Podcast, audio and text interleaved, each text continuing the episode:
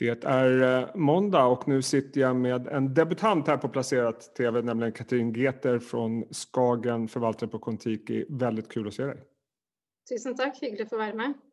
Vi ska prata lite grann om eh, hur du ser på investeringar och tillväxtmarknaden och så vidare. Men jag tänkte att eftersom du inte varit med tidigare så får du berätta lite grann om fonden Kontiki och vilken inriktning den har. Ja, så Skagen Kon-Tiki er et eh, aktivt eh, forvaltet emerging markets-fond eh, med en verdibasert investeringsfilosofi. Vi har en langsiktig investeringshorisont, normalt sett tre til fem år, men det varierer selvfølgelig etter case. Men vi et, når vi går inn i et nytt selskap, så ser vi utgangspunktet da etter rundt 40% oppside over et par år. Eh, vi har en relativt konsentrert portefølje med ca. 50 aksjer til enhver tid i, i, porteføljen, hvor topp 12 per i dag utgjør nesten 50% av porteføljen. Eh, vårt mandat tilsier at vi må investere minst 60% av våre midler i selskaper som da er listet i vekstmarkedene eller EM, mens resten kan strengt tatt investeres globalt, men da i selskaper med en EM-tilt eller eksponering da, mot uh, vekstmarkedene. Vi måles mot MSCI EM-indeksen, eh, men vi er relativt pragmatiske med hensyn til indekssammensetningen versus porteføljen. Eh, Dvs. Si at det er markedsmulighetene som til enhver tid da, en driver porteføljen. Eh, selv om vi også selvfølgelig har en overordna målsetning om å ha en balansert og diversifisert portefølje.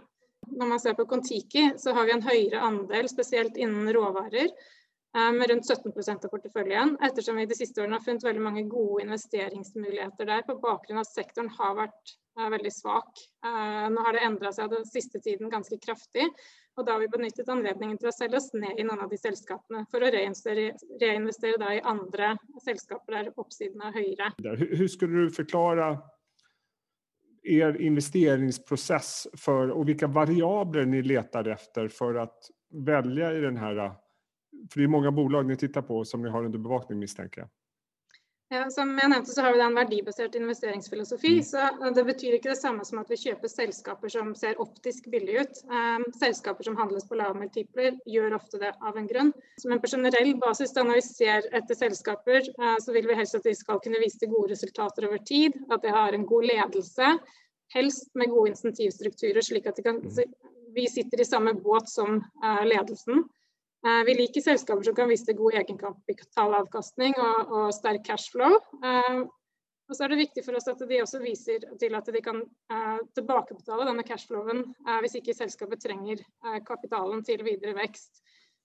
vi bruker selvfølgelig veldig mye tid på å forstå businessmodeller, bransjestrukturer og konkurransebilder på en måte for å ha en god forståelse for selskapets posisjonering, hva de største risikofaktorene er og hva potensialet for både vekst og marginbilde er fremover. Eh, I EM så er det litt flere fallgruver å gå i enn det man har sett i DM på generell basis, på bakgrunn av at de tidvis har svakere rapporteringsstandard, litt svakere governance-strukturer, ofte mindre åpenhet. Eh, og da møter vi ofte interessekonflikter både med hensyn til f.eks. eierstruktur, eh, fordi det er en høyere andel av statlig eide selskaper osv. Derfor har vi alltid, vært, eh, alltid, integrert ESG i vår investeringsprosess. Eh, fordi det har hjulpet oss veldig godt eh, med hensyn til spesielt risikoanalysen av et selskap. Istedenfor at vi nødvendigvis ser etter de selskapene som allerede har høye ESG-scores, som har blitt veldig populært nå om dagen, så ser vi at vi klarer heller å Når vi identifiserer selskaper som har stort potensial for forbedring med hensyn til ESG, de som da går i riktig retning, så er på en måte mulighetene for reprising ofte større. Og da har også vi som aksjonærer større mulighet for å kunne ha en positiv impact som aktive investorer. Så det er kjempespennende nå om dagen. Kon-Tiki handles på stor rabatt både på PE og pris-bok-multipler eh, mot EM-indeksen. Likevel så er det sånn at eh, også sel selskapene våre i snitt da, er en høyere kvalitet i, uh, i det tilfellet som vi bruker i grafen her, uttrykk som høyere avkastning på egenkapitalen. Ska vi ta och titta på ett eh, par aktier och sektorer som jag vet att ni tittar mycket på. Bland annat eh, elektrifieringen av bilar är ett stort område. Men jag tänkte vi ska börja med no något annat och det är UPL Limited. Eh, berätta lite om det. Indiskt bolag, eller hur? Det er et indisk bolag, helt riktig. Og det er en investering i porteføljen som på mange måter er veldig typisk for det vi ser etter. Så de har vokst seg store i global sammenheng innen det vi kaller crop protection, eller plantevern. Eh, ambisjonene videre for selskapet er å gå og være stor innen plantevern til å bli enda større innen total solutions, eller totalløsninger da, og systemer mot jordbrukerne eller farmers. Eh, for å begynne med så bransjen Eh, eller crop protection er en industri da, med en veldig attraktiv struktur, hvor nesten 80% av markedet er kontrollert av de syv største selskapene. UPL da, er nummer fem uh, i denne sektoren. Uh, selskapet selv forventer 7-10% toppinnovekst i årene fremover, uh, pluss fortsatt økende marginer. Dvs. Si en kontinuitet i en trend vi allerede har sett de siste årene. Eh, det tilsier altså at de forventer å fortsette å ta markedsandeler. Eh, selskapet har en kostnadsfordel med at de har produksjon i India. I tillegg så er de veldig sterke innen det vi kan kalle generics for eh, crop protection. Dvs. Si at de har veldig konkurransedyktige priser. Investeringscaset i UPL er egentlig ganske enkelt. Så innen 2050 er det estimert at verdens befolkning kommer til å vokse til rundt 9,6 milliarder mennesker. Samtidig så reduseres verdens matvareproduksjonsarealer år for år. Det har vi sett over lang tid. Det betyr at nåværende dyrknings, dyrkningsmetoder eh, de klarer ikke på en måte å mette befolkningen fremover. Så vi trenger selskaper som UPL, som jobber med, med, mer effektive og bærekraftige farming-metoder. Likevel så handles YPL nå bare på 12-13 eh, ganger neste års eh, PE, noe som fortsatt er en betydelig rabatt til måte, de fleste konkurrentene, på tross av at YPL har levert mye høyere vekst. En av grunnene til det er at de handles, eh, eller de er listet i India bl.a., mens hovedkonkurrentene er listet i Europa og USA. Den største forklaringen er nok kanskje det at det har vært tidvis mye bekymring rundt corporate governance i selskapet, hvor alt fra relaterte transaksjoner, Skattesatser, eh, bruk av receivables factoring har blitt eh, kritisert. Dette er selvfølgelig det området vi har jobba grundig gjennom da, sammen med selskapet for å, for, for å, få en god forståelse. Samtidig som vi har kommet med klare oppfordringer og sterke anbefalinger eh, til selskapet om forbedret rapportering og åpenhet til markedet. Og eh, elektrifiering av biler, også mye holdbarhetsfokus på det givetvis. Veldig mange aktører som vil inn der, mange som er inne. Hur velger väljer ni og hva har ni valgt for å få rett eksponering på den sektoren? Ja, Veldig interessant spørsmål. for Vi var veldig tidlig ute med å bygge opp eh, betydelig eksponering mot dette temaet allerede i 2018. faktisk. Så utgjorde aksjer med en, måte, en tilt mot det temaet 20% av porteføljen. Eh, så vi gikk inn i ulike deler av verdikjeden der vi kunne finne undervurderte selskaper med eksponering mot måte, elektrifiseringstema. Blant annet så trenger verden mye mer kobber for å få til det grønne skiftet. Eh, så vi gikk derfor upstream i tre mining-selskaper eh, med spesielt god posisjon innen kobber. Eh, Lundin Mining var faktisk et av de selskapene. De er jo posisjonert med allerede produserende assets. I tillegg så diversifiserte vi med to andre selskaper, Turcus Hill og Ivanhoe Mining, som alle var på veldig ulike stadier med hensyn til både produksjon og reserver, og ikke minst geografisk eksponering. Så vi var vel, veldig godt diversifisert eh, mot på en måte kobber.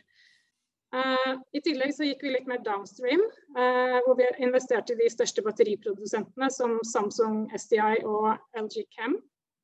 Eh, man ser også tydelig tegn på at eh, si, fremtidens elbil inneholder mye mer elektronikk enn dagens biler. Eh, noe vi også hadde eksponering mot i selskaper som f.eks. LG Electronics og Samsung. Det er også klart at Connectivity vil, ikke lenger bare være nice to have fremover, men vil på en måte være en kritisk del av transportnettverket fremover. Og Der kom Eriksson også bl.a. inn som et selskap som vil kunne være en key enabler Siste nykommer da, inn i porteføljen eh, mot dette temaet er et eh, taiwansk selskap som heter Honai. Det er altså bedre kjent som Foxconn. Mm. Uh, det er verdens største elektronikkprodusent og ledende si, teknologi solutions provider. og de har Apple som deres største kunde. Historisk har de hatt veldig lave multipler fordi en stor andel av inntektene deres er innen assembly. alt fra telefoner, PC-er osv. Og selskapet har hatt en veldig, veldig lav prisingsmultipel på bakgrunn av at deres høye markedsandel, innen, spesielt mot Apple, som da er i ferd med å diversifisere mot flere tilbydere, slik at forventning av tap av markedsandeler samt også skvis på marginene deres har på en måte vært hovedfokus for veldig mange. Men i mellomtiden, når folk har fokusert på det, så har hun har jobbet veldig hardt med å finne nye businessområder. De har lansert en ny hva skal jeg si, open source plattform for elektriske biler. Dvs. Si at de på en måte er elbilverdens svar på Android. For å sammenligne med telekombransjen. Vi har inngått kontrakter nå med 1600 selskaper samarbeid om alt fra batteri, styringssystemer, connected cars og autonomous driving. De har i tillegg allerede signert partnerskap med seks bilprodusenter, så ting beveger seg veldig raskt her. Det adresserbare markedet som Honhai uh, går mot, så er potensialet nesten to milliarder dollar i markedsstørrelse for Honhai. Eh, den markedsandelen de da vil ta av det, eh, vil komme på høyere marginer enn det Honhai opererer med i dag. Eh, slik at EV-segmentet faktisk kan øke Honhais operating profit med 30% innen fire år. Og Det er absolutt ikke priset inn på noe som helst måte.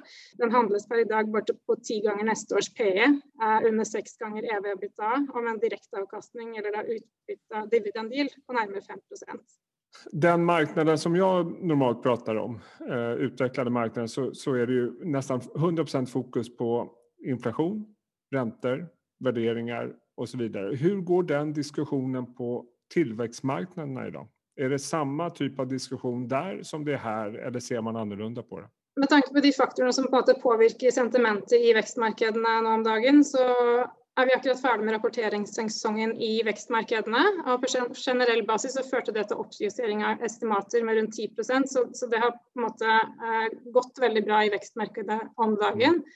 Eh, vi så også lite tegn til marginpress i dette kvartalet, men det er klart at veldig mange selskaper nå begynner å snakke om tegn til fremvoksende inflasjonspress eh, fra bl.a. sterkere råvarepriser, eh, høye fraktkostnader og ikke minst knapphet i enkelte viktige innsatsfaktorer. Da. Eh, så det er knyttet en viss spenning til hvordan det vil slå ut fremover. Eh, selvfølgelig. Så de, man har de samme samtaleemnene i, i, vekstmarkedene som, som i globale uh, markeder. Uh, råvarepriser er nå høyere enn før korona. Uh, viktige råvarer som kobber og jernmalm f.eks. er opp 60-80% over et par år. Og For EM sin del så er det også verdt å merke at råvarer som mais og soyabønner er opp like mye, og det treffer litt hardere i en del av de fattigere eh, landene. Så Sånn sett så er det et stort skille akkurat nå i vekstmarkedene på en måte mellom råvareproduserende land versus land som på en måte må importere eh, de høyere prisene. I tillegg så er Et annet samtaleemne i eh, vekstmarkedet om dagen er jo Eh, med tanke på korona, så er usikkerheten der kanskje litt større nå i eh, vekstmarkedene fremover. Fordi at eh, vi har sett en oppblomstring, spesielt i Asia, av nye tilfeller. Samtidig så er det jo helt klart at disse landene ligger veldig langt etter når det gjelder vaksinering av befolkningen ni fokuserar som du säger mycket på värdeinvesteringar och det har ju varit den stora diskussionen på marknaden de senaste tiden, värde mot tillväxt. Eh, du sa till mig tidigare innan det här samtalet att ni har jobbat tio år i motvind. Eh, hur ser du på den rotationen eller synen på värdeaktier framöver? Är den tillfällig eller räknar ni med att den är här för att stanna ett tag? Ja, altså om, om, den rotasjonen vil fortsette, avhenger selvfølgelig av veldig mange faktorer. Eh, men det vi kan si med sikkerhet, er at vi har jo historisk sett at både EM og DM eh, og value mot growth beveger seg i veldig lange sykler, eh, og det beveger seg sammen. Så har man tro på hva skal jeg si, mean reversion, så kan det vel se til at eh, den rotasjonen vi har sett hittil, bare er en liten del av det som kan være potensialet fremover, gitt at inflasjonen tiltar og rentene skal litt opp. Eh, det store spørsmålet nå er selvfølgelig om vi kan sammenligne markene da med 2000-årsskiftet, eh, som ble etterfulgt av tiår med veldig stor meravkastning i både EM og i value-aksjer. Eh, oddsen for at det kan bli en god periode for value fremover, er i alle fall høyere nå i etterkant av ti år med motvind, som du påpeker. spesielt med tanke på at dette da har ført til at verdiaksjer fortsatt prises på rekordstor rabatt mot vekstaksjer. Så hvis du ser på grafen som viser value-aksjer, hva skal jeg si, PE-utvikling i blått. Eh, verdivurdering der har jo ikke beveget seg mye siden 2000-årstallet. Faktisk så ligger de nå på en lavere verdivurdering enn den gang. Vekstaksjer i grønt har derimot sett en veldig stor reprising, eh, som gjør at verdivurderingsgapet mellom de to fortsatt er rekordhøyt, eh, på over 50 eh, rabatt basert på, eh, på, forward PE. Så det, sånn sett så ser det kjempespennende ut eh, med tanke på den debatten vi nå har rundt inflasjon og rentenivå fremover. Katrin, eh, spennende å prate prata med deg. Tusen takk, eh, och ha en riktig skjønn sommer. Tusen takk i like måte.